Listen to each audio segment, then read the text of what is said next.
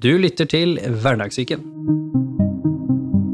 I denne episoden har vi snakket om algoritmer og deres påvirkning på oss, og selvfølgelig da også sosiale medier. Og du får møte Petter, som har forsket på dette i flere tiår, og ikke minst psykolog Gina, som har jobbet med både unge og voksne som har stått i dette som en del av utfordringen. Velkommen tilbake til eh, Hverdagssyken, og velkommen tilbake til en av dere, og velkommen for første gang til deg. Tusen takk. Hyggelig. Takk. Og da er jo selvfølgelig det store, første spørsmålet er hvem i all verden er dere? Så hvem er du som er ny?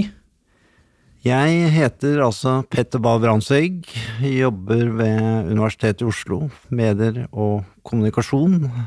Underviser i kunstig intelligens og hvordan nye medier påvirker oss i stor grad.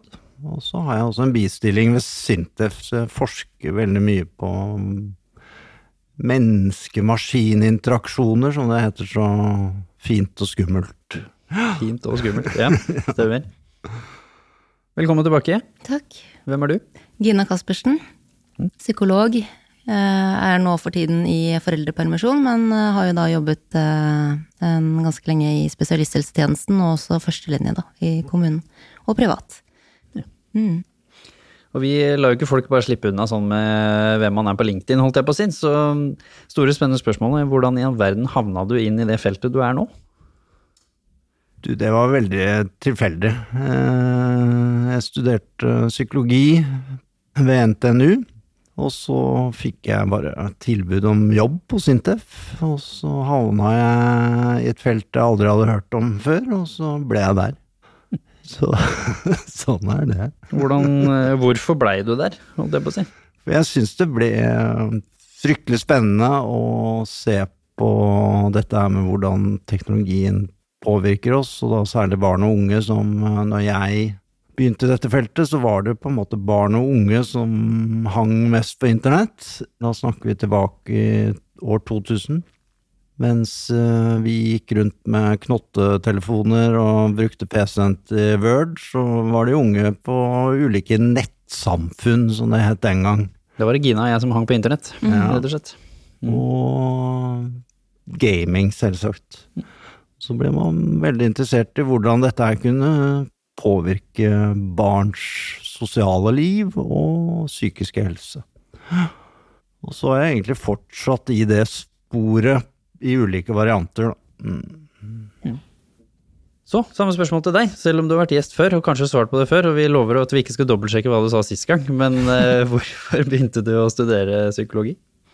Det var vel, eh, som for veldig mange andre, interesse for eh, mennesket. Og spesielt for min del, da, barn, ungdom og, og familier. Ja, et ønske om å forstå og ville hjelpe. Hvor kom den ekstra interessen for familier og barn og unge fra? Bortsett fra at du selvfølgelig har vært ung selv, det har vi jo alle. Ja. Nei, det er jo litt av det du sier der, da. Eh, man blir jo litt nysgjerrig på en selv, og så er det jo eh, Ja, jeg vet ikke, jeg følte det falt litt naturlig, egentlig. At det har vært litt sånn i eh, ja, min oppvekst at jeg har vært nysgjerrig på det. Og så var det jo også det at jeg begynte uh, i spesialiseringen min ja, inne i BUP-feltet, da. Og jobbet der og har egentlig bare ja, blitt der og trives med det. Var det noe med den tiden du på en måte var i ferd med å etablere deg som psykolog du tror påvirka det? Fordi nå har han vært inne på den tiden, liksom 2000-tallet og de siste 20 årene, så har jo verden endra seg ekstremt, og den har endra seg kanskje mer for de unge, da, er det jo lov å påstå, i form av hvordan det har påvirka de, som er det vi skal snakke om etter hvert eh, mer og mer. Tror du den tiden påvirka valget ditt? Det er vanskelig å si, egentlig. Men eh, Ja, nei, jeg syns det er et vanskelig spørsmål om liksom, akkurat den tiden påvirket valget mitt. Men det var jo eh, kanskje noe noe med det at det var en eh, økt åpenhet, men fortsatt litt skambelagt eh, å snakke om psykisk helse. Så det var noe som var veldig eh, jeg, ble veldig nysgjerrig på det, og syntes det var et veldig spennende felt. Det å liksom kunne lære mer om ja, hvordan man tenker, føler, hvordan relasjoner, samspill foregår. Ehm, ja. Han forsto meg. Å slippe folk ordentlig inn. Følelser inneholder egentlig flere komponenter. Vi har det jo best når vi klarer å fungere godt sammen med andre mennesker.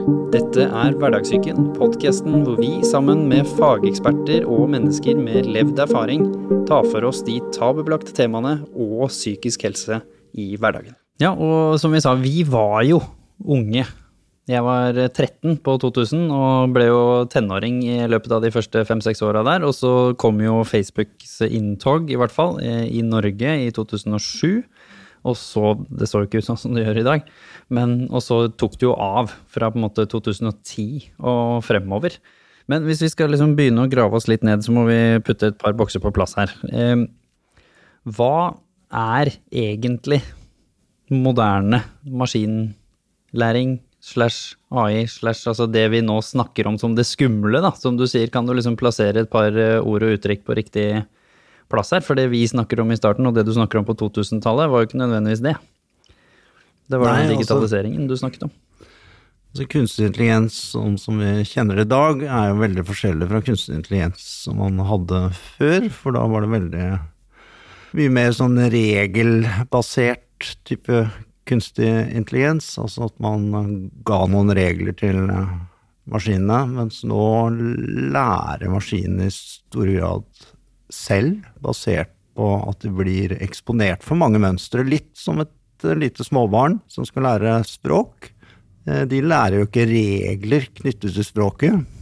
De lærer jo ikke grammatikken.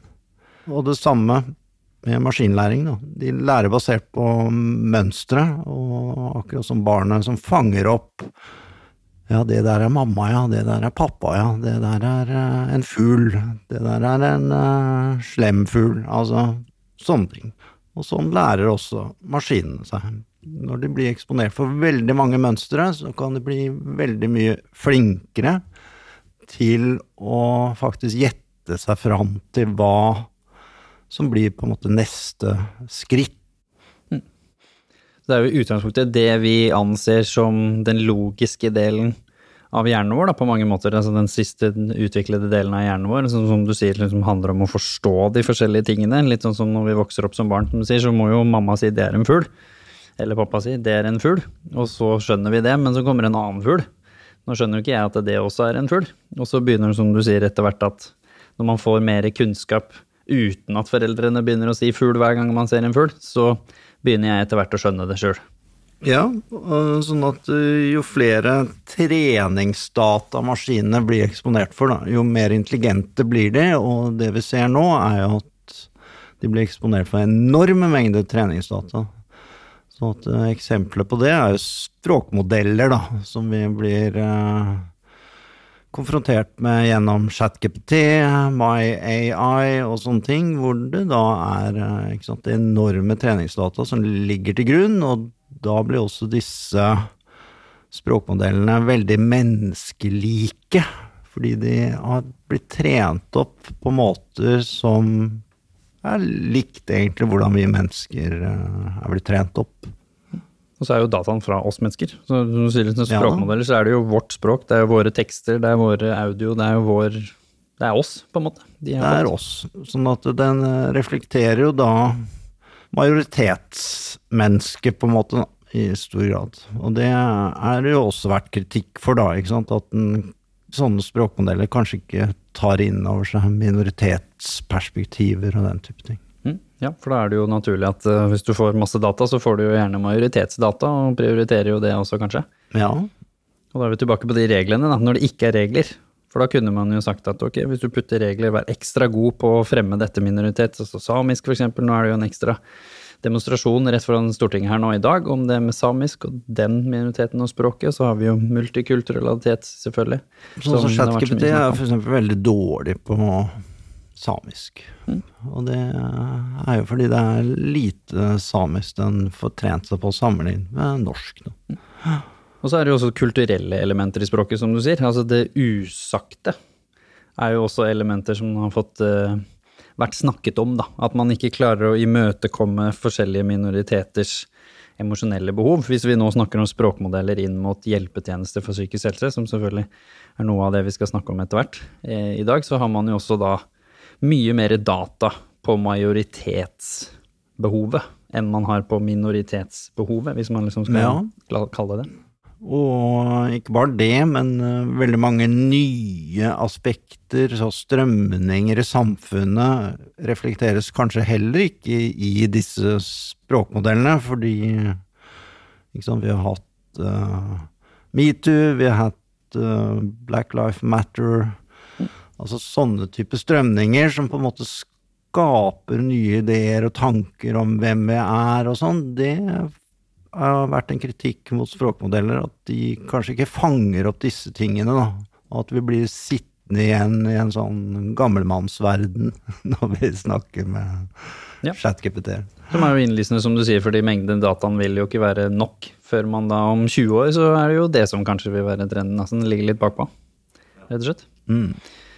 Men eh, før du skal få lov å gi oss en liten sånn timeline fra du begynte i 2000 til hvordan dette påvirket oss, så tenkte jeg ville bare sånn hoppe litt fram til deg. Som du sa, du har jobbet med dette feltet, med unge, da i mange år, og i forskjellige steder. Både da liksom privat, jobbet som BUP, og nå mer kommunalt. Så sånn, hvis du skal gi en sånn liten temp på hvordan du føler det er nå, for nå er vi litt sånn inn i det fremtiden som han var litt bekymra og nysgjerrig på, som starta på 2000-tallet. Hva er det du føler er litt sånn status nå?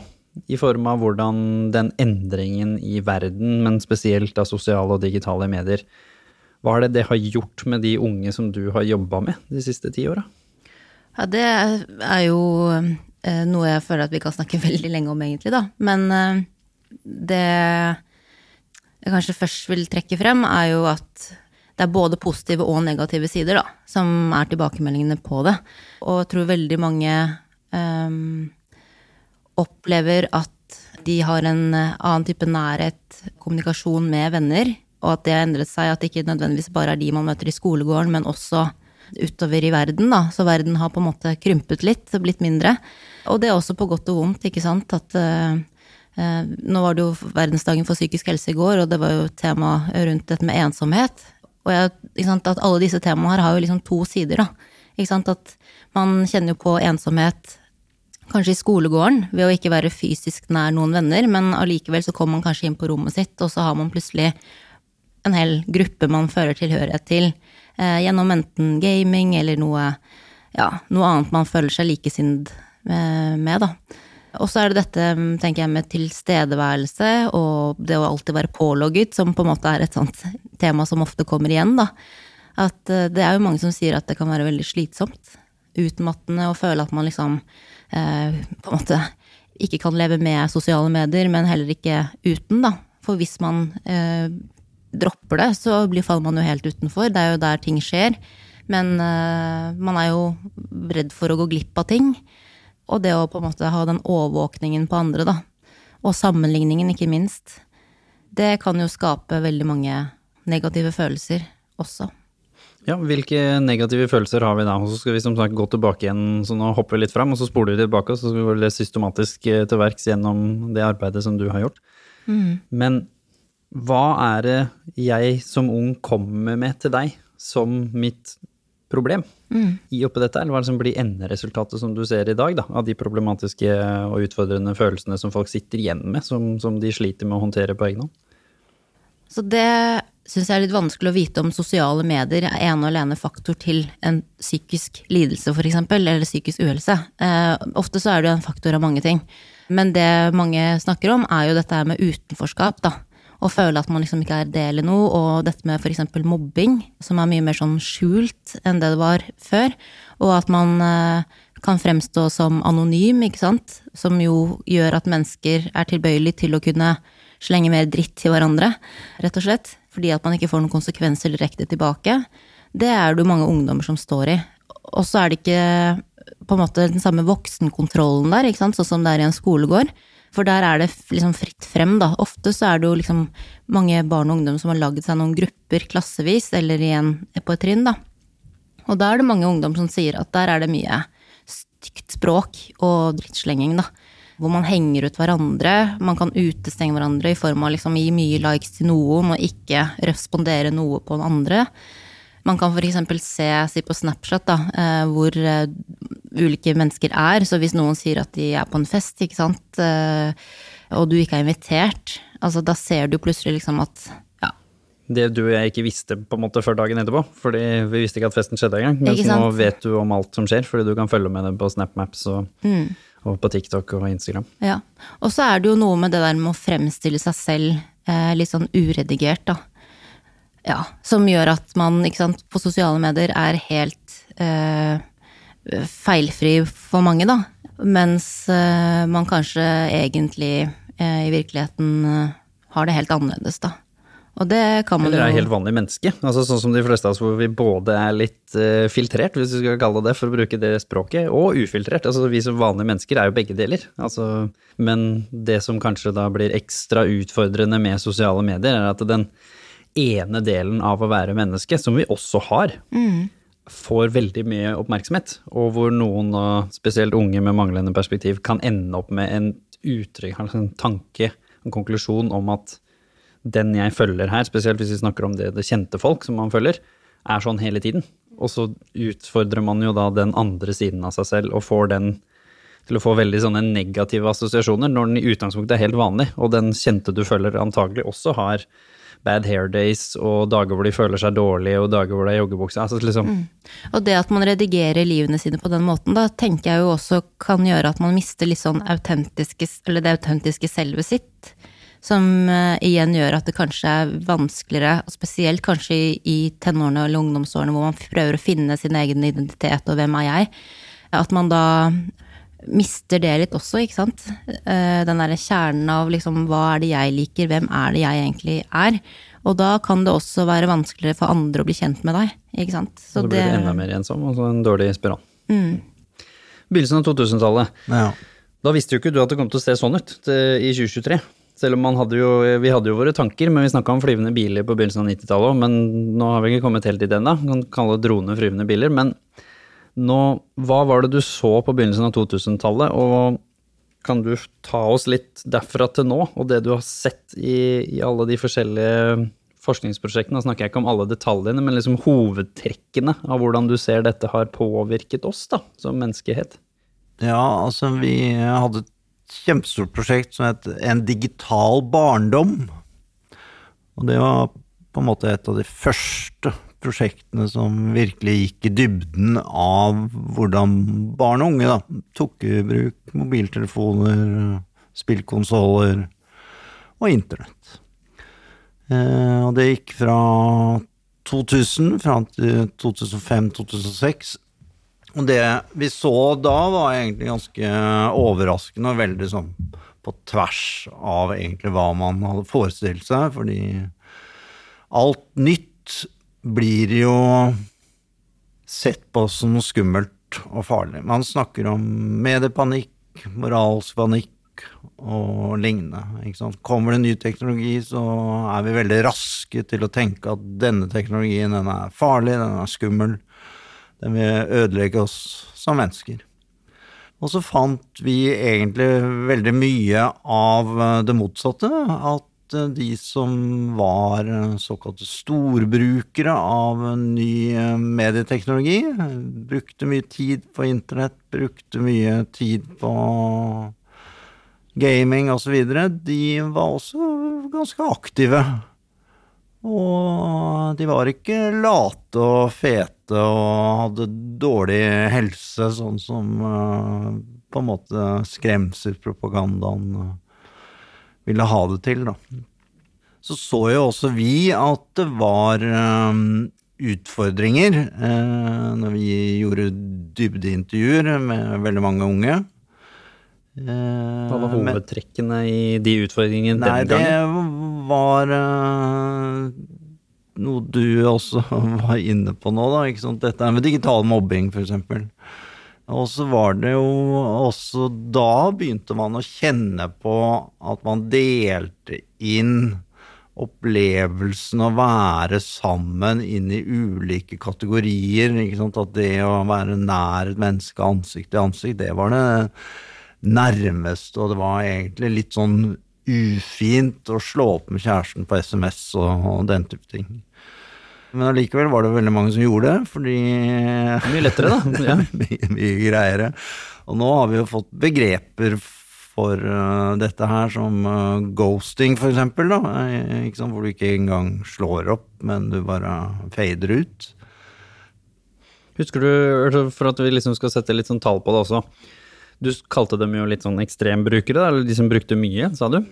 Hva var det den gangen? I forhold til nå har vi også sett noen tendenser på at en storbruker eh, den gangen Min fordom i dette er jo at storbruker den gangen er ikke det samme som en storbruker eh, nå, og ikke minst kanskje at gruppa med storbrukere har økt. Det er jo fordommene mine jeg kaster ut der nå. Antagelser, heter det vel. Men hva er, hva er det dere egentlig så i, den gangen i forhold til Ja, Nå? altså Når du var storbruker før, så måtte du være mye mer kreativ. ikke sant? Du måtte uh, være Altså For det første så var det Du hadde en Den største brukergruppa var egentlig det vi kalte for ganske passive brukere. Altså folk som ikke brukte så mye teknologi, for det var jo en stor gruppe som ikke brukte så mye teknologi den gang. Og så hadde du såkalt instrumentelle brukere, altså brukere som da brukte internett stort sett til å søke opp ny informasjon, bruke det til skolearbeid, altså sånne nyttige ting. Nyttebrukere kan man også kalle det. Og så hadde du storbrukere, eh, som var eh, en relativt liten gruppe, på en, eh, ja, hvis jeg husker riktig, rundt 10-12% Men ikke sant, det var jo også veldig mye store kjønnsforskjeller her. Det var en stor del gutter som var her, i denne gruppen. Og den gang så kom jo på en måte ikke mediene til deg, sånn som de gjør i dag. Vi blir jo på en måte kastet litt ut eh, i et univers i dag hvor alle vil ha oppmerksomheten din, men den gang var det jo ikke sånn. Så at du måtte streve litt for å finne de gøye tingene å gjøre på internett. Eh, Du måtte være mer kreativ, du måtte være mer foretaksom. Eh, Og alle hadde jo ikke en mamma og pappa som kasta PlayStation etter deg.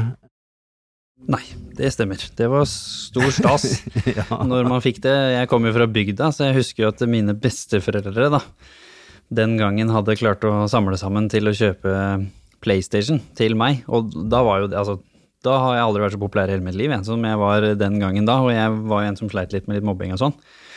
Så plutselig så var jo det en stor ting, men sånn som i dag, så er den jo forhåndsutsolgt. Altså den nye PlayStation 5, det kan jo gå et halvt år før du får tak i den. Ja. Sånn at barn den gang måtte jo være mye mer foretaksomme for å få medieopplevelser, mens i dag så så blir jo altså mediene oppsøker oss også gjennom algoritmer. Sånn at det er den store forskjellen. Sånn at det vi ser, hvis vi ser på de store mønstrene, det er at um, vi hadde en gruppe med underholdningsbrukere, det var kanskje 20 da. Men den er jo vokst enormt. Eh, Og underholdningsbrukere, det er jo brukere som stort sett da kanskje streamer eh, innhold, eh, gamer eh, Altså gjør Men også gøye da, ting. TikTok, på en måte, hvor man bare ser på kort eh, type innhold. Hvor du egentlig ikke bidrar så mye selv med eget innhold, men bare passivt konsumerer veldig mye innhold. Altså den gruppen er blitt mye større.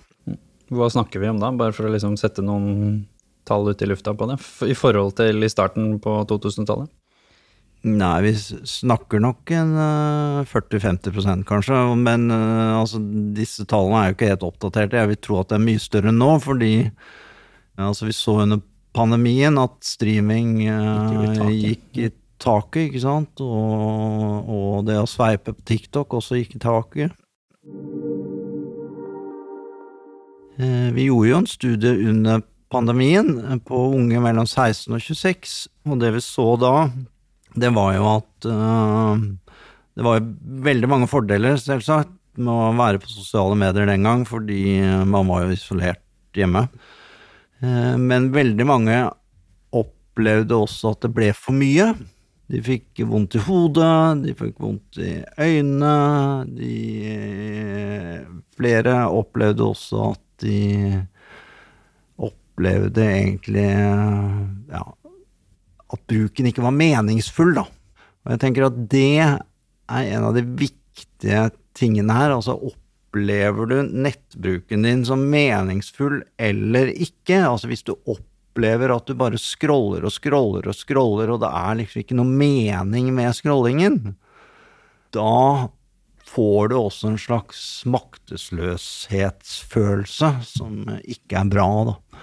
Og det vi så også under pandemien, var at uh, dette rammet også jenter gjerne i alderen 16, 17, 18, 19. Og de bruker veldig mye tid på Instagram, de bruker veldig mye tid på TikTok, og de scroller. Eh, Du nikker, Gina. Hva, hva er det du så på andre enden? Øh, henvisningene til BUP gikk jo veldig opp under pandemien også. Og mange snakket jo om disse tingene her, eh, blant annet. Da, sant? Man havner nedi sånn rabbit hole, og så bare kommer man seg aldri ut av det. Så plutselig har man brukt liksom hele dagen på meningsløse ting. Og livet gir ikke mening på en eller annen måte når man liksom eh, ja, driver med det. Pluss at det er mye sammenligning også, da. Nå er det jo noen studier som har vist at eh, at jenter som følger og liker og kommenterer på andres brukere, de of, at de ofte får lavere selvfølelse over tid, da. Men at det ikke stemmer nødvendigvis for gutter. Men det er jo litt av de tingene man kanskje ser, da. Den derre sammenligningen. Og har jeg jo jobbet en del med spiseforstyrrelser også, ikke sant. At man øh, kommer litt eh, Altså at det kan være triggende, rett og slett, da. Og så finner man seg jo kanskje likesinnede og blir med i en sånn type gruppe hvor eh, man påvirker hverandre negativt, og at det kan være veldig opprettholdende for eh, symptomene, har vi jo sett.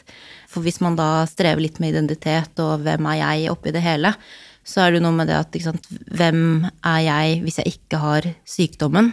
Hva slags forventninger stilles til meg når jeg da er frisk igjen? Både det med å liksom gå på skole, eh, forholde meg til andre mennesker, eh, være sosial igjen fysisk. Man har skapt seg en slags identitet, kanskje knyttet til Gjennom lidelsen. kanskje en da. sånn influenser da, som ikke sant, har et ganske beinhardt opplegg Mhm. knyttet til eh, både kaloriinntak og, og trening, da. Og det, det jeg tenker eh, er den store forskjellen, som kanskje ikke er så stor forskjell lenger i dag, for denne utviklingen endrer seg jo enormt. Altså det er at eh, man har sett at unge jenter da særlig har vært utsatt for denne typen påvirkning på TikTok og Instagram ved at de eh, sammenligner seg. Mens gutter da har drevet mer med sant, et felles mål. Det skal være gaming, og de driver og spiller fotball, kanskje, eller de driver med en eller annen karakter i et eller annet gamingunivers og driver med en eller annen aktivitet utenfor seg selv. Mens jentene da speiler seg selv mot hele verden. Og det er jo en stor forskjell, men nå ser man jo at gutter også bruker mer og mer tid på TikTok, og det kan jo også være en av grunnene til at flere gutter kanskje også får spiseforstyrrelser, og Da har det vært mer skambelagt å snakke om det også, så mørketallene har jo alltid vært store på, Ja. På guttesiden. Og så har det jo vært mer megareksi, altså at du må bli veldig stor, som er jo vanskeligere å oppdage som en spiseforstyrrelse. Og så så vi jo nå, nå har det jo vært en veldig negativ trend, som var jo litt i mediene her også. Med da at det har vært en del unge influensere, veldig store influensere på TikTok blant annet, som da har fokusert mer på denne fitness-livsstilen. Altså noe som er jo toppidrett for, for mange. Det å bli sånn, hvis du ikke da er født med ekstremt på en måte sånne type gener, er veldig vanskelig. Ja, Og det er bare å gå på stranda i Oslo i dag, så ser du en helt annen type kropp enn når jeg var ung. Altså Alle gikk rundt og var ganske flatbrysta på min eh, alder, liksom. Mens eh, nå ser man jo disse Altså at de har vært på treningsstudio, rett og slett. Og eh, Og en enorm forskjell, da, er jo kanskje det vi ser mest. Altså, det har blitt litt mer i USA, for å stereotype litt. Altså, du har nå én gruppe som er den som du sier som på en måte har brukt mye tid på det, men også brukt supplementer og ting som, som henger med her. Og så har du en annen gruppe som, som er helt normale, sånn som både når jeg vokste opp og du vokste opp, tror jeg. Men det skillet har blitt så tydelig, Veldig tydelig. og da blir det jo veldig kompleks å stå i den som er normal. Så er plutselig normal blitt for dårlig. Spesielt kanskje når det er knytta opp mot prestasjon i tillegg, da, når du har gym på skolen, da, eller når du gjør ting som du ser at oi, jeg ligger jo milevis bak, ikke sant, disse vennene mine. Og det som jeg tenker er litt sånn viktig å snakke om også, er sammenligningsgrunnlaget. Når jeg vokste opp, så var sammenligningsgrunnlaget det var jo klassen min. Det var de rundt meg. Og så hadde vi American Pie, som jeg snakker om mye. Altså, det var film, det var populærkultur, eh, det var eh, altså de forskjellige magasinene. Men det var for relativt viktig med det lokale. Det var liksom de klassene jeg ville slå, først og fremst. Jeg ville være den som hadde den kuleste kroppen i klassen, eller i hvert fall på skolen. Det var liksom ikke så fryktelig mye utafor det.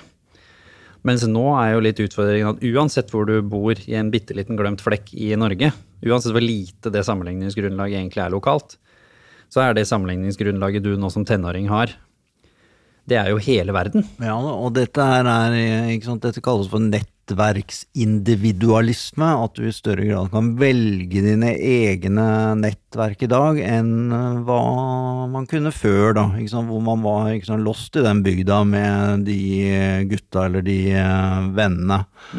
Mens nå kan du i større grad da shoppe, på en måte, dine egne nettverk på internett, og det er jo på godt og vondt. Altså, jeg tenker på hvis du vokste opp da, som eksempel eh, homofil i Vadsø på 80-tallet, så var det vanskelig å finne likesinnede. Mens det er det jo ikke i dag, for en som vokser opp i Vadsø med, med en sånn legning, da. Og da da kan man jo få ikke sant, de fellesskapene som man da ikke kunne den gang. Men samtidig så skjer det jo noe, ikke sant. Du blir mer sårbar fordi du Det er opp til deg å på en måte lage disse nettverkene. Mens før så var du bare satt i et nettverk og måtte håndtere de nettverkene som var der.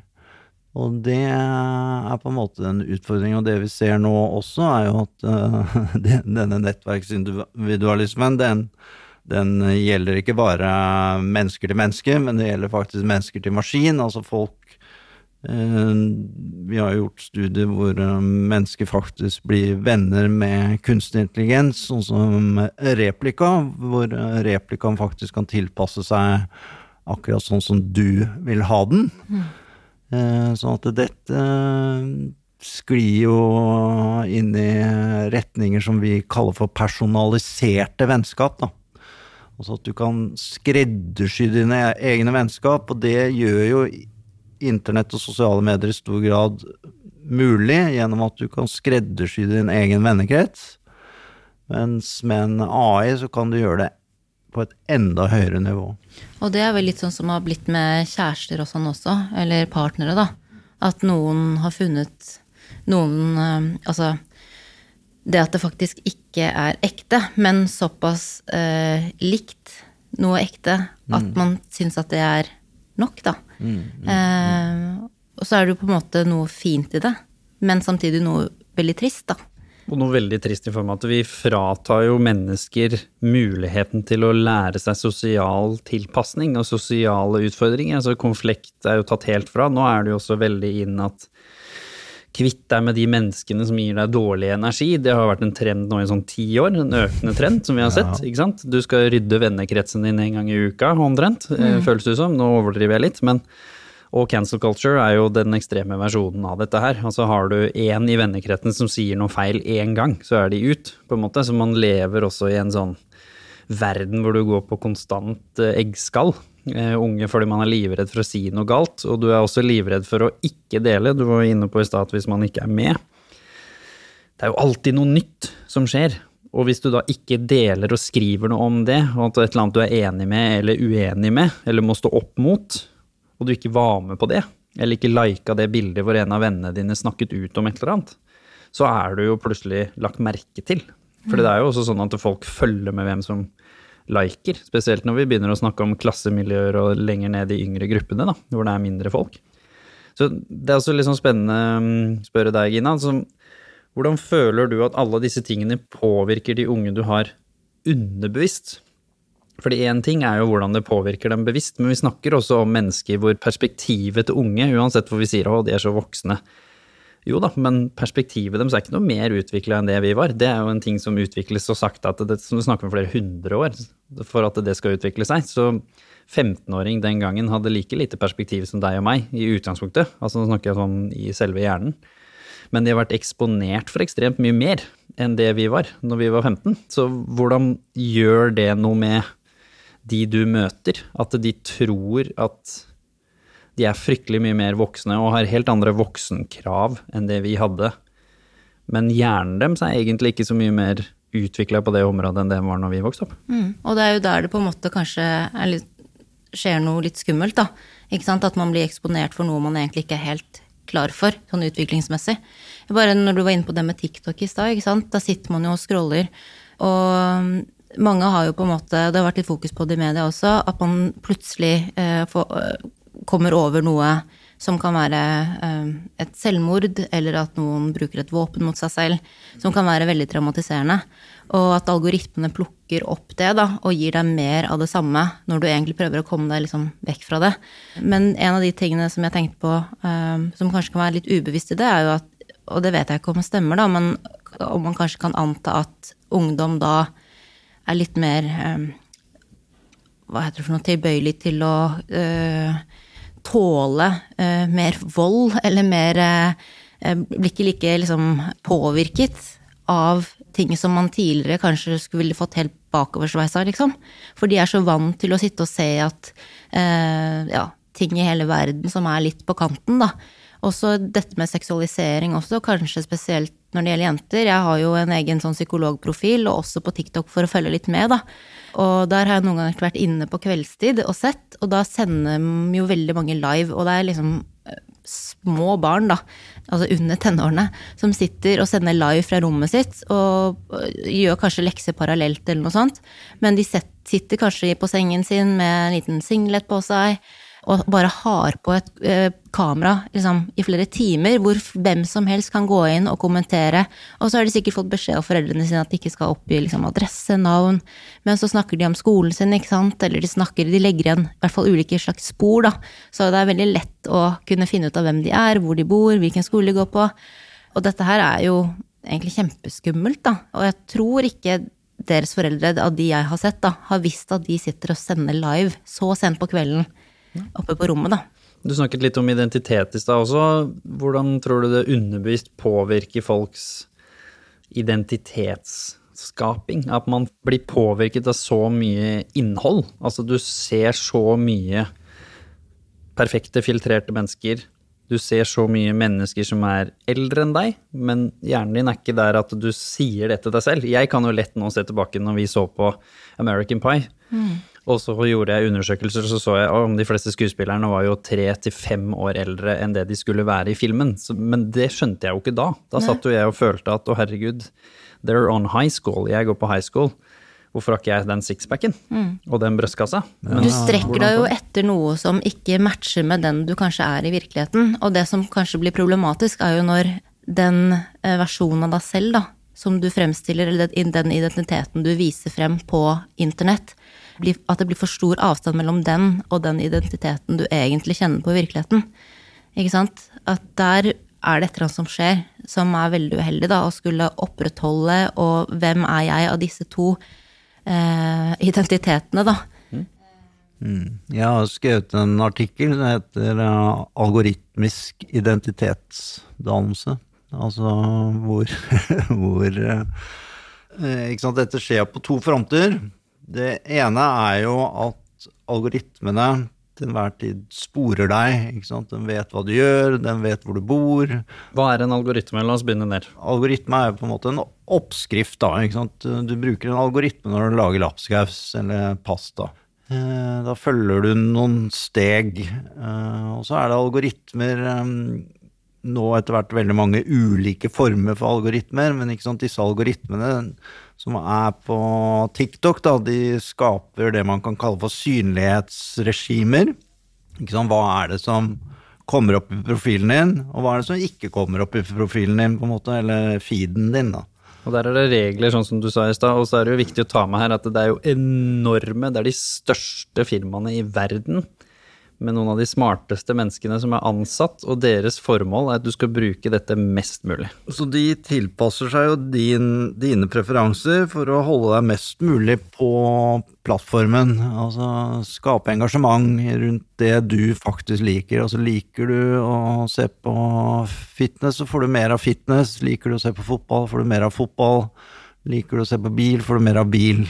Og det går veldig fort. Jeg har prøvd å teste det noen ganger, bare å gå ned i et annet hull som ikke er min interesse, og så har jeg bare lika bevisst da, det samme tingen, sånn som du sier. Og det er snakk om 20 minutter, så er feeden min endra seg. Ja. ja, ja, ja. Så det man også tenker, er jo at man da lager på en måte også digitale identiteter av deg, da, og at uh, det foregår jo et salg av persondata på tvers av ulike tjenester. Så at hvis jeg er uh, Eh, inne på Finn og søker på en reise til Spania, så får jeg opp reise på Spania f.eks. på VG to sekunder etterpå, eller eh, Google. sånn at det er jo ikke sant, Her trades det persondata live hele tiden rundt hva du søker på, og hva du er engasjert i til enhver tid. Og dette mener jeg at hvis barn og unge da starter å bruke internett veldig tidlig, lages det også profiler og identiteter av deg som du blir påvirket av.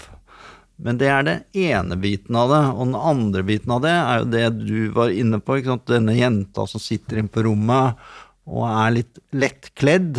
Um, eller disse jentene som uh, viser fram rumpa si på TikTok.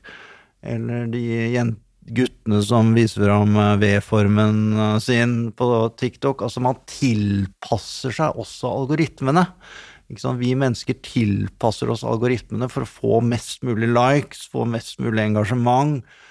Sånn at vi, ubevisst eller bevisst, tilpasser oss den algoritmiske eh, verden, da, eh, og hvordan eh, dette fungerer. Vi hadde jo det samme før med trender, som jeg sa, men det går så mye fortere. Altså det som i gamle dager da var eh, David Beckham, da, ikke sant, for å snakke om det, eller Spice Girls eller Backstreet Boys, så var det det i neste magasinet, så hadde de bytta stil. Og så tok det litt tid, og så bytta Men her snakker vi om det kan skje på en dag. Så kan ja, det være en trend og, som tar av. Og det frister kanskje til å være litt grenseoverskridende, fordi da vet man at da får man også mer engasjement. Altså det man tilpasser seg denne algoritmiske mm. praksisen, om man kan kalle det. Har du sett eh, eh, Fordi vi har jo sett nå i det siste, når vi har jobbet med sosiale medier veldig aktivt de siste syv-åtte årene, hvor vi har vært veldig inne i dette her, og da har man også sett at det tidligere var enklere å vinne kampen om oppmerksomhet, mens nå det er jo bare for å se på din egen Instagram-konto, så du konstant følger nye folk. Så etter hvert så følger du flere og flere folk, og da er det jo helt innlysende at på et eller annet tidspunkt så klarer ikke du å få tilgang til alle de menneskene du følger. Mens i starten av Instagram så følte jeg at det var lettere å få engasjement. Mens nå vet jo jeg at de som følger meg, som fulgte meg eller Human Aspect eller Hverdagssyken for fem år siden, de har jo ikke meg oppe lenger. Så ah. det engasjementet som jeg trenger da, fordi man skal spre en episode eller et nytt intervju, det er jo ikke der. Og det er jo greit for oss som er i bedriftssammenheng eller organisasjonssammenheng, men når det er vanlige unge mennesker som ser at ja, men jeg hadde jo 50 likes forrige uke, eller jeg hadde 500 likes forrige uke, nå har jeg halvparten. Ser du noe der at fordi det bare det øker jo, øker og øker og øker, og øker, er det enda vanskeligere å få oppmerksomhet. Og ser vi da at folk blir enda mer ekstreme i kampen for den oppmerksomheten? Ja, det tror jeg det er uh, noe i, altså. Og, og, ikke bare det, ikke sant. Når du er på f.eks. Eh, et sosialt medium, da. La oss si at vi to er venner, da. Og du ikke har vært innom profilen min på en stund, så vil du kanskje heller ikke se mine oppdateringer. Eh, mens jeg kanskje er mer aktiv hos deg og ser alle dine oppdateringer. Så det blir på en måte en sånn veldig asymmetri også i vennskapene på sosiale medier, fordi de styres av algoritmene. Du er jo mor selv, du sa jo i stad. Tre barn her nå. Når du har vært inne nå, og vært mye mer aktiv selv for å få dypere forståelse og en mer levd erfaring i sosiale medier, hva er det du ser der inne nå som en voksen person, som du tenker er de største bekymringene du har for dine barns generasjon? Som de kjenner jo ikke noe annet, de vet jo ikke en verden uten dette. Nei, det er jo dette her med altså, hva man blir eksponert for. Litt eh, ukontrollert. Eh, som kanskje er den største bekymringen, da. Og at man skal kaste seg på dette jaget med å liksom skulle eksponere seg selv eh, for mye før man er klar for det, eller blir man noen gang klar for det, på en måte. Ja, så det er jo det å på en måte bli dratt inn i en verden, en interaktiv verden, eh, hvor man eh, skaper seg en identitet, sånn som du var inne på, da, som kanskje ikke helt passer med ens virkelige identitet, og at det blir for vanskelig, eller at man henger seg på noen trender som er for eh, utfordrende, eller kan være rett og slett farlige, da. Og som en psykolog, bare sånn, fordi nå har det vært veldig mye snakk om i det siste at liksom, unge mennesker har blitt svakere og vil liksom, klarer ikke dette her, og vi var så mye mer robuste. Men den utfordringen her, den har ikke vi prøvd. Sant? Det er litt viktig å si. Mm. Jeg har jo sagt det der med at hvis jeg hadde det livet jeg hadde den gangen, og ble mobba så mye som jeg gjorde da jeg var 13, men jeg også tok med meg mobberen min på TikTok og Snapchat og Instagram inn, så tror jeg jeg hadde tatt Altså, da hadde jeg ikke levd. Fordi jeg var jo der at jeg hadde planlagt mitt eget selvmord uten det. Men mine mobbere var jo ikke inne hos meg, det, for da måtte jeg jo invitere dem hjem, og det gjorde jeg jo ikke, selvfølgelig. Så den, det var en sånn hindring der. Men ser du også nå da hvor problematisk er den utfordringen at man faktisk, med manglende perspektiv som man har når man er ung, at det er så stor avstand mellom det filtrerte sannheten og deg selv? Hva slags psykologisk utfordring er det egentlig? Når du ikke vet det vi i vår generasjon vet av perspektiv? Ja, det gjør jo at man sammenligner seg med noe som ikke er ekte, da. Og det blir helt uoppnåelig å skulle øh, oppfylle det. Eh, Så det er jo en sånn evig higen etter noe som aldri egentlig kan bli realistisk, da.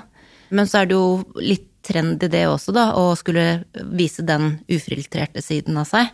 Som også kan være veldig sårbar, tenker jeg, da. Ved at man skal vise frem sin psykiske helse eller uhelse eller en dårlig dag, da.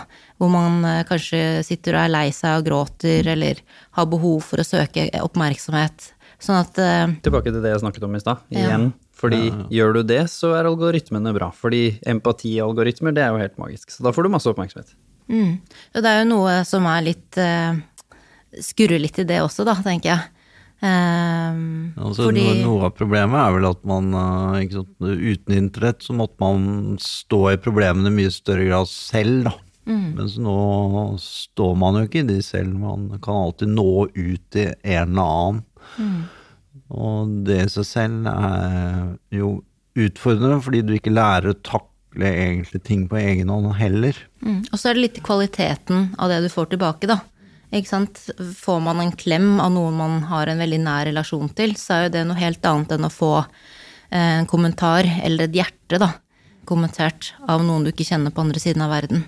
Så det blir jo liksom sånn dårligere kvalitet på mange relasjoner. Eh, og veldig mange å forholde seg til, når man egentlig kanskje trenger noen nære få, eh, ekte eh, rundt seg, da. Og så er det jo mange som har beskrevet også at man lever i en verden, litt sånn som jeg sa i stad, at man konstant går rundt og føler at folk egentlig ikke kjenner deg.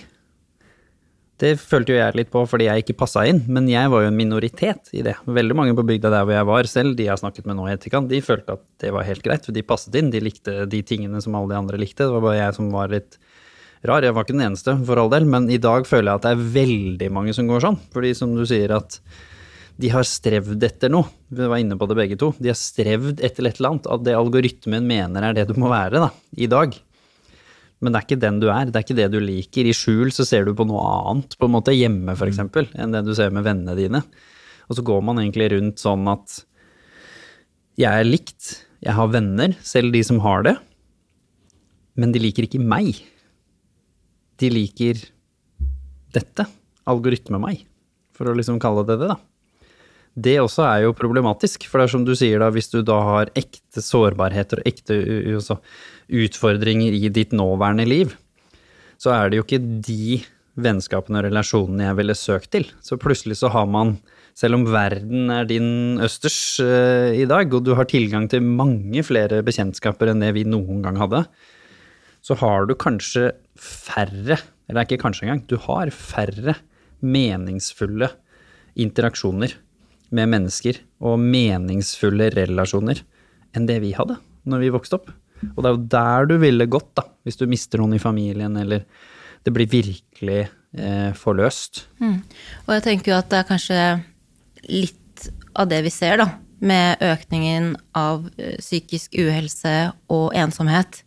Fordi at det er mer meningsløshet i både relasjoner, men også innhold i det man bruker veldig mye tid på i hverdagen sin, da. Men så vet jeg jo at eh, det er jo også studier nå som har kommet med den Tidlig trygg i Trondheim, så hvor de har fulgt liksom over 800 barn over tid, hvor de ser at det ikke er noe nødvendigvis eh, sammenheng mellom det å ha eh, angst og depresjon, i hvert fall, da, og økt bruk av sosiale medier.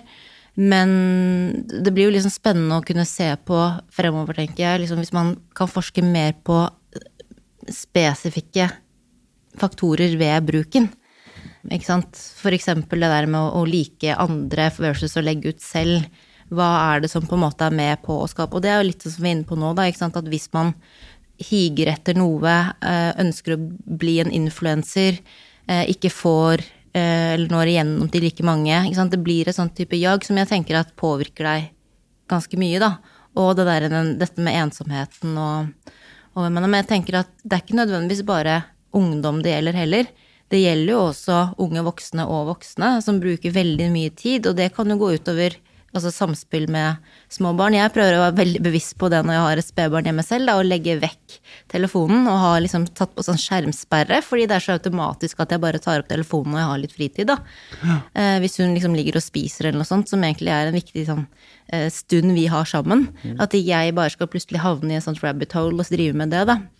Og vi har jo perspektiv. Det er jo det som er viktig å si her. At Ja. Hvis det er så vanskelig for oss, som til og med vokste opp uten dette, så vi vet jo kvaliteten og det flotte i de andre tingene, for vi hadde jo ikke dette avhengighetsskapende, men også fine på mange andre områder, verktøyet. Men så er det jo sånn jo at, eh, at eh, vi er jo veldig forskjellige, da, vi mennesker. Så vi skal ikke glemme det. Altså, vi blir jo påvirket også veldig forskjellig. Vi, blir, eh, vi bruker disse teknologiene veldig forskjellig. Sånn at eh, det er litt sånn farlig å snakke om en sånn At alle blir veldig negativt påvirket og sånn, for det er jo ikke sant heller, eh, skal vi tro forskningen.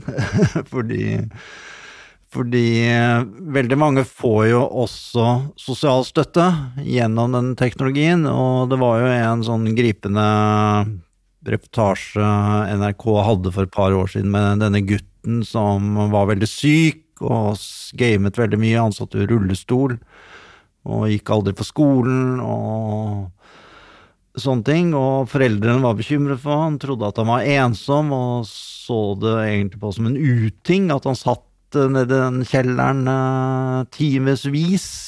Og så viste det seg at han døde av denne sykdommen, han hadde en sjelden dødelig sykdom.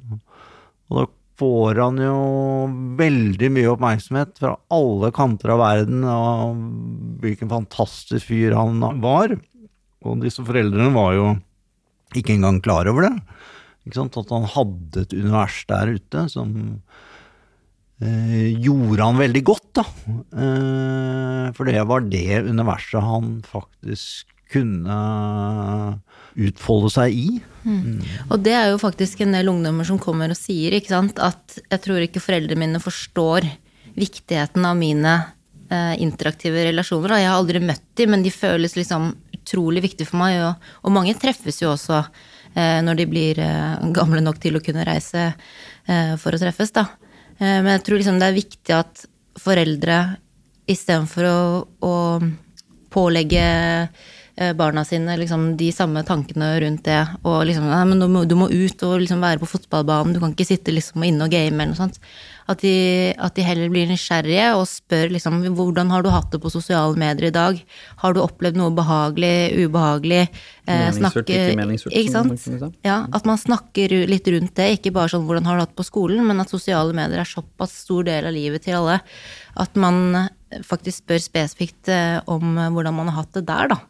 Eh, Og at man får et sånt bevisst språk hjemme på Og det er selvfølgelig vanskelig også, fordi ikke sant, foreldre er jo ikke nødvendigvis komfortable med den verden, og skjønner heller ikke helt den verden, så det kan bli også litt sånn kleint også, da, hvis man ikke på en måte vet noe om TikTok, vet noe om Snapchat. Altså, Da kan man være nysgjerrig. man Altså, kan da være nysgjerrig, mulig, Kan du ikke eh, du vise tror, meg, på en Men måte? jeg tror veldig mange foreldre føler seg også litt hjelpeløse i møte med den nye teknologien, da, fordi det er liksom så fjernt fra deres uh, virkelighet. Altså, de fleste voksne henger på Facebook og e-post, liksom. Uh, Så heldigvis men- det endret seg òg, da. Nå har vi jo bestemødre som der hvor de ser mest av barna sine, er at de følger en story på Instagram eller Ja, ja. Snapchat. Jeg har jo Så hatt lignende. tenker jeg ikke sant, det kan også være en veldig sånn proaktiv bruk av denne teknologien også, ikke sant. Du, du har jobbet litt med spiseforstyrrelser og unge, blant annet, ikke sant. Man kan følge noen som bidrar til denne spiseforstyrrelsen ved at du henger deg opp i en eller annen uh, som bare driver med trening, spiser uh, veldig lite. Uh, eller du kan følge en eller to som har kommet seg ut av dette her. Ut av spiseforstyrrelsen, som kan være en motivator. Da. Og det snakker vi også litt om når jeg har eh, samtaler med ungdom. Da? Hvordan får ulike, eller de du følger, følger da, det, eh, for, hvordan får de deg til å føle deg? Er det sånn at du begynner å tenke på å spise mindre etter at du har scrollet en stund? Er det da på tide å avfølge? At man må være litt mer bevisst i det. Men jeg tror ofte at man liksom bare følger en del, en sånn skare, da, og så begynner man bare, sånn som du snakket om i stad, å scrolle seg nedover, og så er det litt ubevisste påvirkninger som skjer. Ja, da. Ehm, ja. Sånn at man må jo Man trenger jo faktisk mer egentlig opplæring i, i hvordan man skal bruke sosiale medier, sånn at man ikke blir et offer eh, for algoritmene. Fordi algoritmene er enormt sterke. Altså de skaper det man kaller for synlighetsregimer. ikke sant? Og du har jo lyst til å være der, fordi det gir deg jo det, akkurat det du vil ha.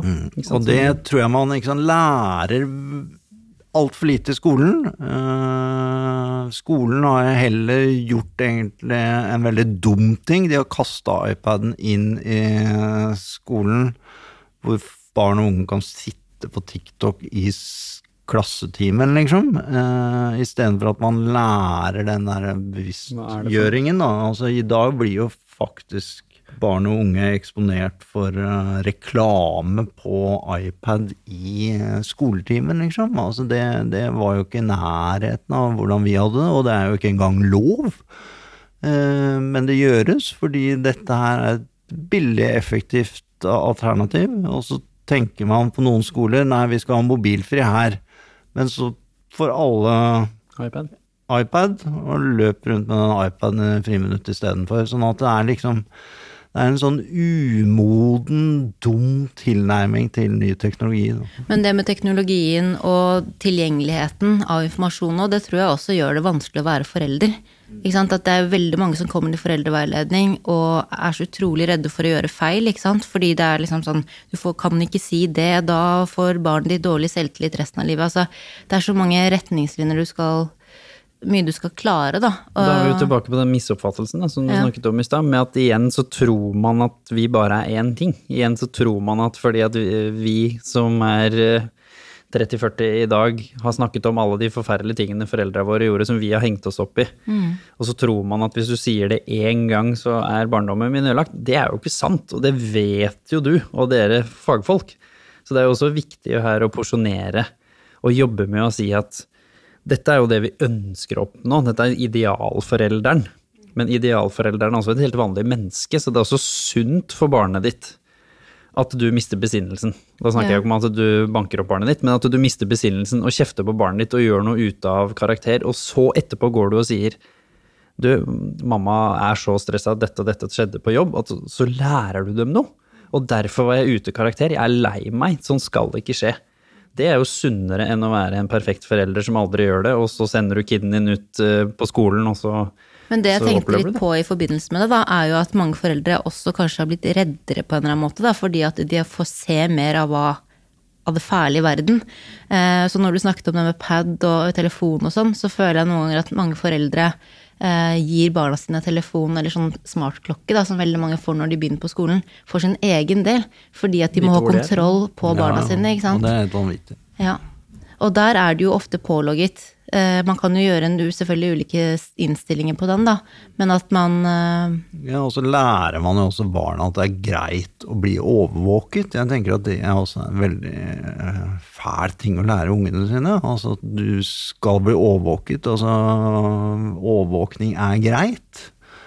Som vi har problemer med da i f.eks. sosial kontroll, familier eller settinger eller dårlige kjærester som, som tvinger deg til å ha på SnapMap fordi de skal vite hvor du er fordi man er sjalu. altså, Ja, og man du lærer de sånne man ting. skal kunne kontrollere andre mennesker, liksom. Men altså, vi kan ikke kontrollere andre mennesker. Vi må lære oss at vi kan kontrollere oss selv. Vi kan ikke kontrollere andre. Klarer så vidt å kontrollere oss selv. Det er jo litt Ja. av poenget med episoden her, at uh, teknologien spiser oss uh, opp, da. Så tenker jeg at det er, det er viktig og fint å også skille mellom det fine eksempelet du hadde i stad, som er Det vil alltid være gode eksempler. Det er litt det samme som teknologi eh, som brukes i krig. Kan være fantastisk for de som er amputert.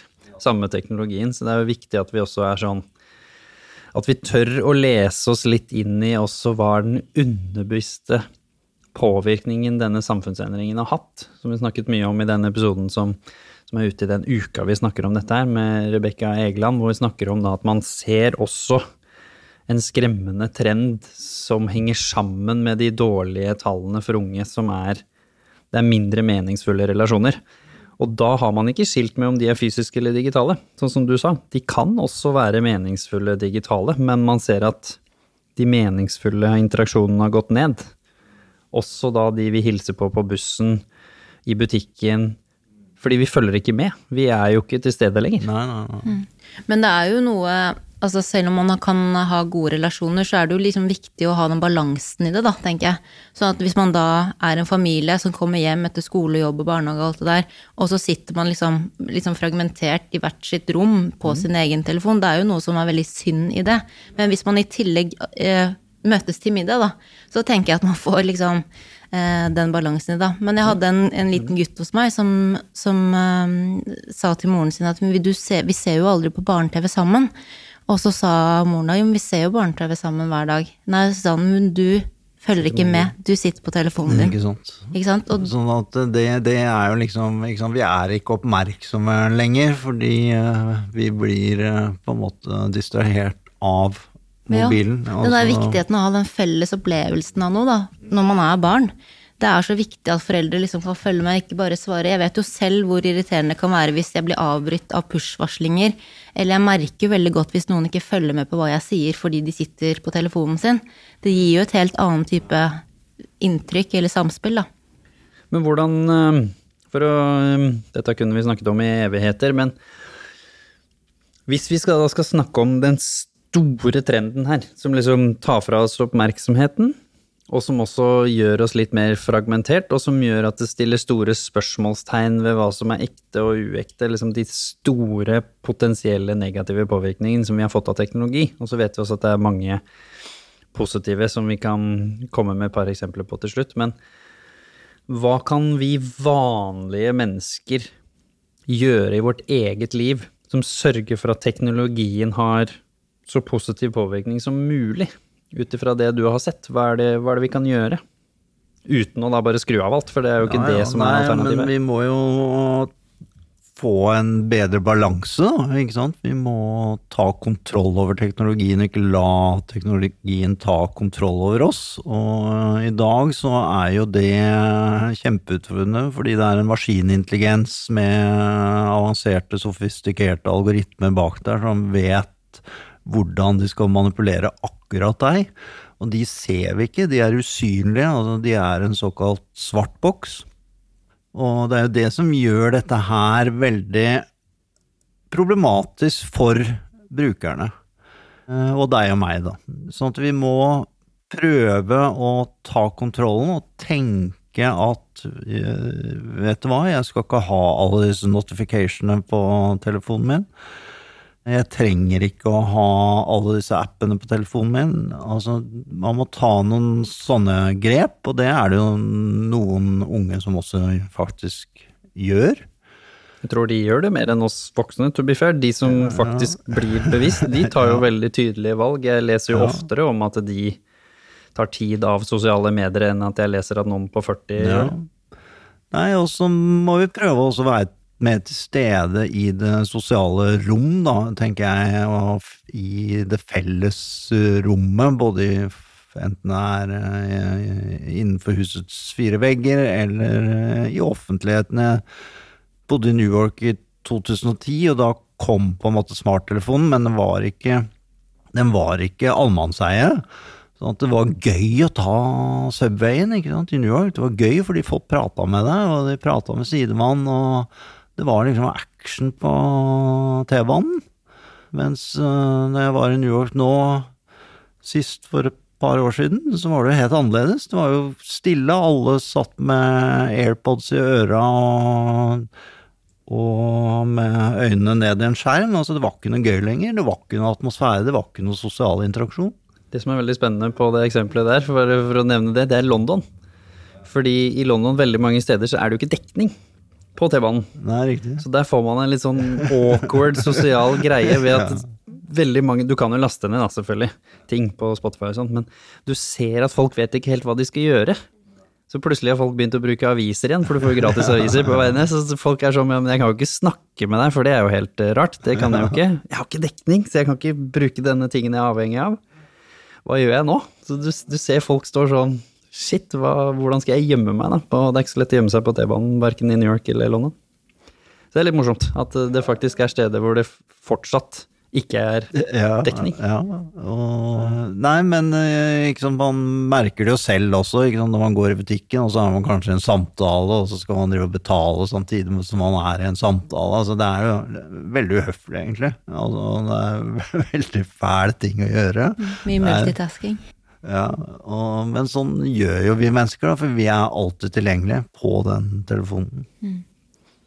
Ja, men du som har jobba litt med unge mennesker, hva er det du anbefaler? Altså, her snakker vi om alle, både voksne og unge, men hva er det du har anbefalt og eller gjort selv, som du tenker gjør det enklere i møte med denne enorme kraften både av algoritmer og store firmaer og smarte mennesker bak dette som skal få deg til å bruke det mest mulig? Eh, Det er jo det å kanskje legge fra seg telefonen, i hvert fall en time før. Det vet jeg at det er veldig vanskelig for mange, eh, både voksne og ungdom, da, men før man skal legge seg, sånn at man ikke blir påvirket så mye eh, med tanke på søvnen, som jo er et veldig stort problem for veldig mange. Og så er det dette med å, som du var litt inne på, da, ikke la deg lure av liksom clickbait, og kanskje prøve å følge mennesker du ikke er helt enig med også, da, for å få litt variert syn. Det å kanskje ha på en tidssperre, slette apper, eh, notifications, skru de av. Ja, det å på en måte prøve kanskje å legge fra seg telefonen innimellom. Skal du på butikken eller noe sånt, en liten tur ut. Prøve å liksom kjenne på hvordan det er å være uten. Eh, Det har blitt vanskelig det òg, vet du, for det er T-banekortet mitt, det er betalingskortet mitt. Jeg har faktisk ikke betalingskortet mitt der, men veldig mange har det. Så plutselig så blir man sånn, ja, men jeg kan jo ikke legge inn noe. Det er nøkkelen til jobb på Mesh. Det er liksom Ja. plutselig sånn, Vi hadde en i teamet som skulle være mobilfri i en uke eller to, jeg husker ikke, det var i hvert fall en, en stund. Og vi fikk masse sånne problemer som hun ikke hadde tenkt på. Det er nøkkelen, det er eh, bank-ID, det er De har jo liksom putta så mye inni der for å gjøre det enkelt. Nei, så du kan det er nesten jo ikke dette legge med digital utestengning òg, ikke sant. Altså de som uh, Jeg snakket med en iraner som uh, hadde søkt om statsborgerskap. Du får ikke statsborgerskap hvis du ikke har bank-ID. Og du får ikke bank-ID uten å ha statsborgerskap. Sånn at det er liksom Mm. Da blir du frustrert. Men det er vel sånn tilstand man også snakker om som er sånn nomofobi, ikke sant. At man liksom blir veldig stressa og, og kanskje engstelig også hvis man ikke har telefonen sin. Så det er jo noe med den balansen igjen, da. Og kanskje bare prøve å ha eh, Jeg vet ikke, litt tid. Da Du trenger ikke å liksom legge vekk telefonen en uke, men bare ha litt pusterom, liksom. Være litt mer bevisst på hvilken bruk du har, og også dette med hvem du følger, da. Ehm, og hvordan du fremstiller deg selv, ikke sant. Eh, Man tenker jo ofte at man vet hvordan andres liv har vært, selv om man ikke har møtt hverandre på en stund, fordi at man har sett eh, reels eller stories eller noe sånt på sosiale medier. Og så kan man jo treffe de og liksom si sånn 'Å, jeg hørte jeg så at du hadde vært der og reist, og du må jo ha det liksom så bra den siste måneden'. Og så har du det kanskje egentlig ikke så veldig bra. Ehm, Så det å på en måte ja, være bevisst og vite om at eh, det kan godt være veldig uredigert, og at mennesker bak kan ha Ja, det er helt annerledes, da. Nei, det kunne, kunne for så vidt ikke vært eh, mer enig. Som dere sier, altså notifikasjoner er skrudd av for lengst. Jeg har det kun da på den kanalen som jeg vet eh, Jobb Urgency eh, ligger på. Og det er jo for at man skal kunne få tak i meg på den eh, måten. Og likevel bruker jeg appen og sånn, men jeg bruker de mindre. Jeg bruker de spesielt mindre nå etter i sommer, av en eller annen grunn. Det er litt tilfeldig. Som også jeg gjør nå at jeg ser at jeg har litt mindre den, som du sa, den der at tiden forsvinner fra meg-følelsen. For når man er veldig mye innom sosiale medier, som jeg vet at veldig mange yngre gjør mye mer enn enn meg, sånn inn og ut, sånn bare i noen minutter her og der, så kjenner jeg at det skaper et eller annet form for stress. For det er jo en konstant dopamin opp, eh, se etter noe, engasjert, eh, trist, lei. Altså det, er jo, det spiller jo veldig på følelsene mine veldig sånn opp og ned, og veldig ekstremt. Mens når jeg bruker Instagram nå, og bestemmer meg for nå skal jeg surre litt rundt på fotballgreier eller se på noe psykisk helsegreier, i en time da for eksempel, litt sånn som man så på TV før, eller leste et blad, eller. Da har det ikke den samme effekten. Så når jeg setter av litt sånn tidsrom å være der, og har slutta med det der hver gang jeg sitter på bussen, eller hver gang man liksom går på do, eller hver gang du skal vente på en kollega i to minutter, så klarer man ikke å sitte stille i de to minuttene lenger. Det har hjulpet meg ganske mye, faktisk. Men jeg bruker, spesielt pga. jobb, bruker fortsatt mobilen og sosiale medier en del. Men stressnivået gjennom en dag vil jeg påstå påvirker meg mindre nå enn det det gjorde da bare for noen måneder siden. Jeg har ingen sosiale medier på telefonen min. Tror jeg, det, det er også en måte å gjøre det på. Det er viktig at dette er valg, sånn som du sa. Det er også litt viktig at det skal være eh, valg, da. Så sånn helt til slutt, eh, hvis dere skal hver for dere komme med ett tips til der hvor teknologi er veldig positivt, altså da i møte med f.eks. utfordringer, da, for det har vi også vært innom her. Så hvis dere skal gi hvert deres tips til sånn der er teknologi bra, hvis du har det litt vanskelig, prøv det. Hva slags tips har du til de som sliter litt? eh, Ja, altså dette det, det var et veldig vanskelig spørsmål, må jeg si. Men eh, jeg fikk faktisk støtte til et prosjekt i går eh, fra Damstiftelsen. Stort prosjekt hvor vi skal da se hvordan kunstig intelligens og språkmodeller kan hjelpe hjelpetjenestene ut mot unge. Sånn at jeg tenker at hvis man har utfordringer, så bør man jo gå til de offentlige hjelpetjenestene, sånn som eksempel ung.no, heller en eller annen random uh, fyr eller dame på Instagram eller TikTok som ofte kanskje gir deg feil råd, da. Helt feil råd. Og det er jo et av de store problemene vi ser nå. Det er jo sant, fake news egentlig innen helse. Hvis du søker på mental helse-taggen på TikTok, så vises jo den av milliarder. eh, Og innenfor den taggen så er det veldig mye rart, altså.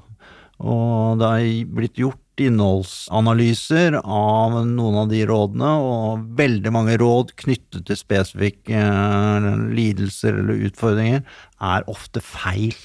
Så at du får feil råd når du går til eh, sosiale medier eh, i stor grad. Positiv ting å bruke hvis man sliter litt, av, som har med teknologi å gjøre?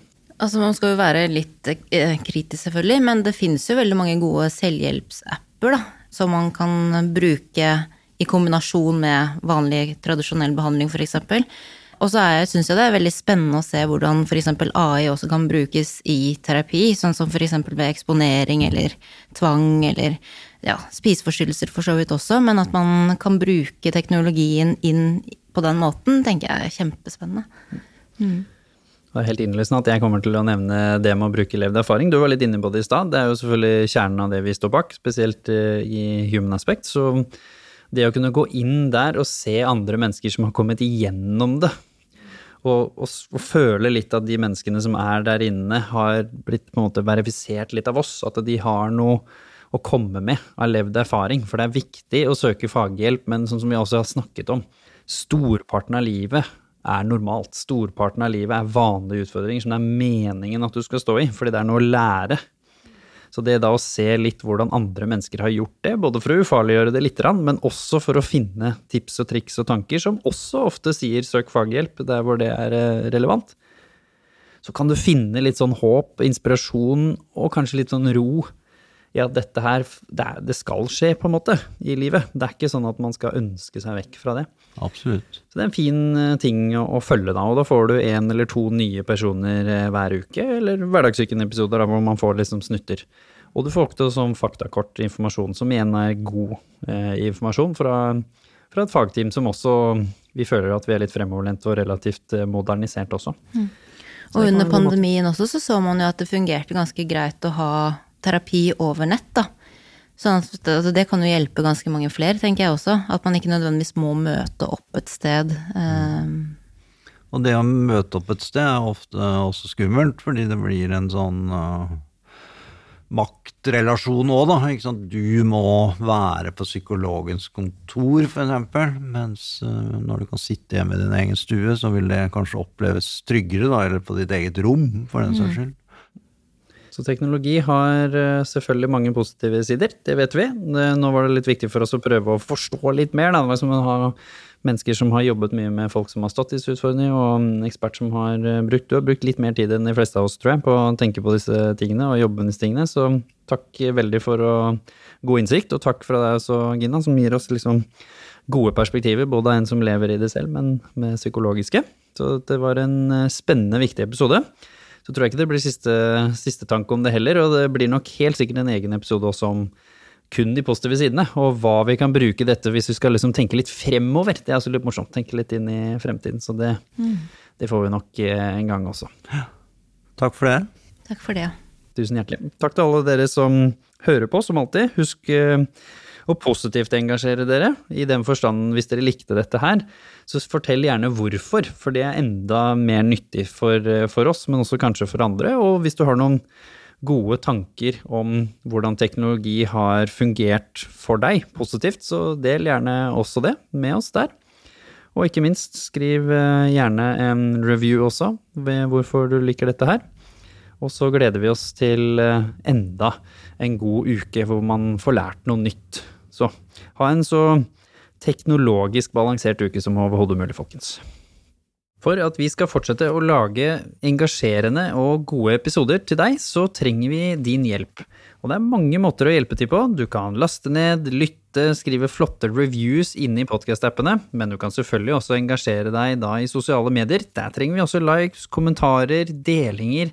Ikke minst være med å spre det til folk rundt deg som du tror har nytte av denne episoden. Men vi trenger jo selvfølgelig også finansiell hjelp, sånn at du kan gi oss muligheten til å fortsette med redaksjonen. Og da kan du finne oss på VIPS. Der finner du Human Aspect, og du kan også søke på nummeret da 96243. Og så merker du den flotte donasjonen din med Hverdagssyken. Da får vi muligheten til å ta med det videre og hjelpe oss til å skape flere episoder. Så Tusen hjertelig takk for at du er med og støtter oss på alle de måtene du velger å gjøre det. Vi setter enormt pris på alle dere som donerer til vårt arbeid i Hverdagssyken, og i det siste så har vi fått fantastiske donasjoner fra Benedikte, Roar og Anne Mette, ikke minst Tanja, Hanne og Nadia. Tusen hjertelig takk til alle dere som er med og donerer videre, og vi setter pris på at dere ønsker å bidra, sånn at vi kan lage enda flere episoder. Så takk til dere spesielt denne gangen, og så gleder vi oss til å få noen nye navn til å takke neste gang.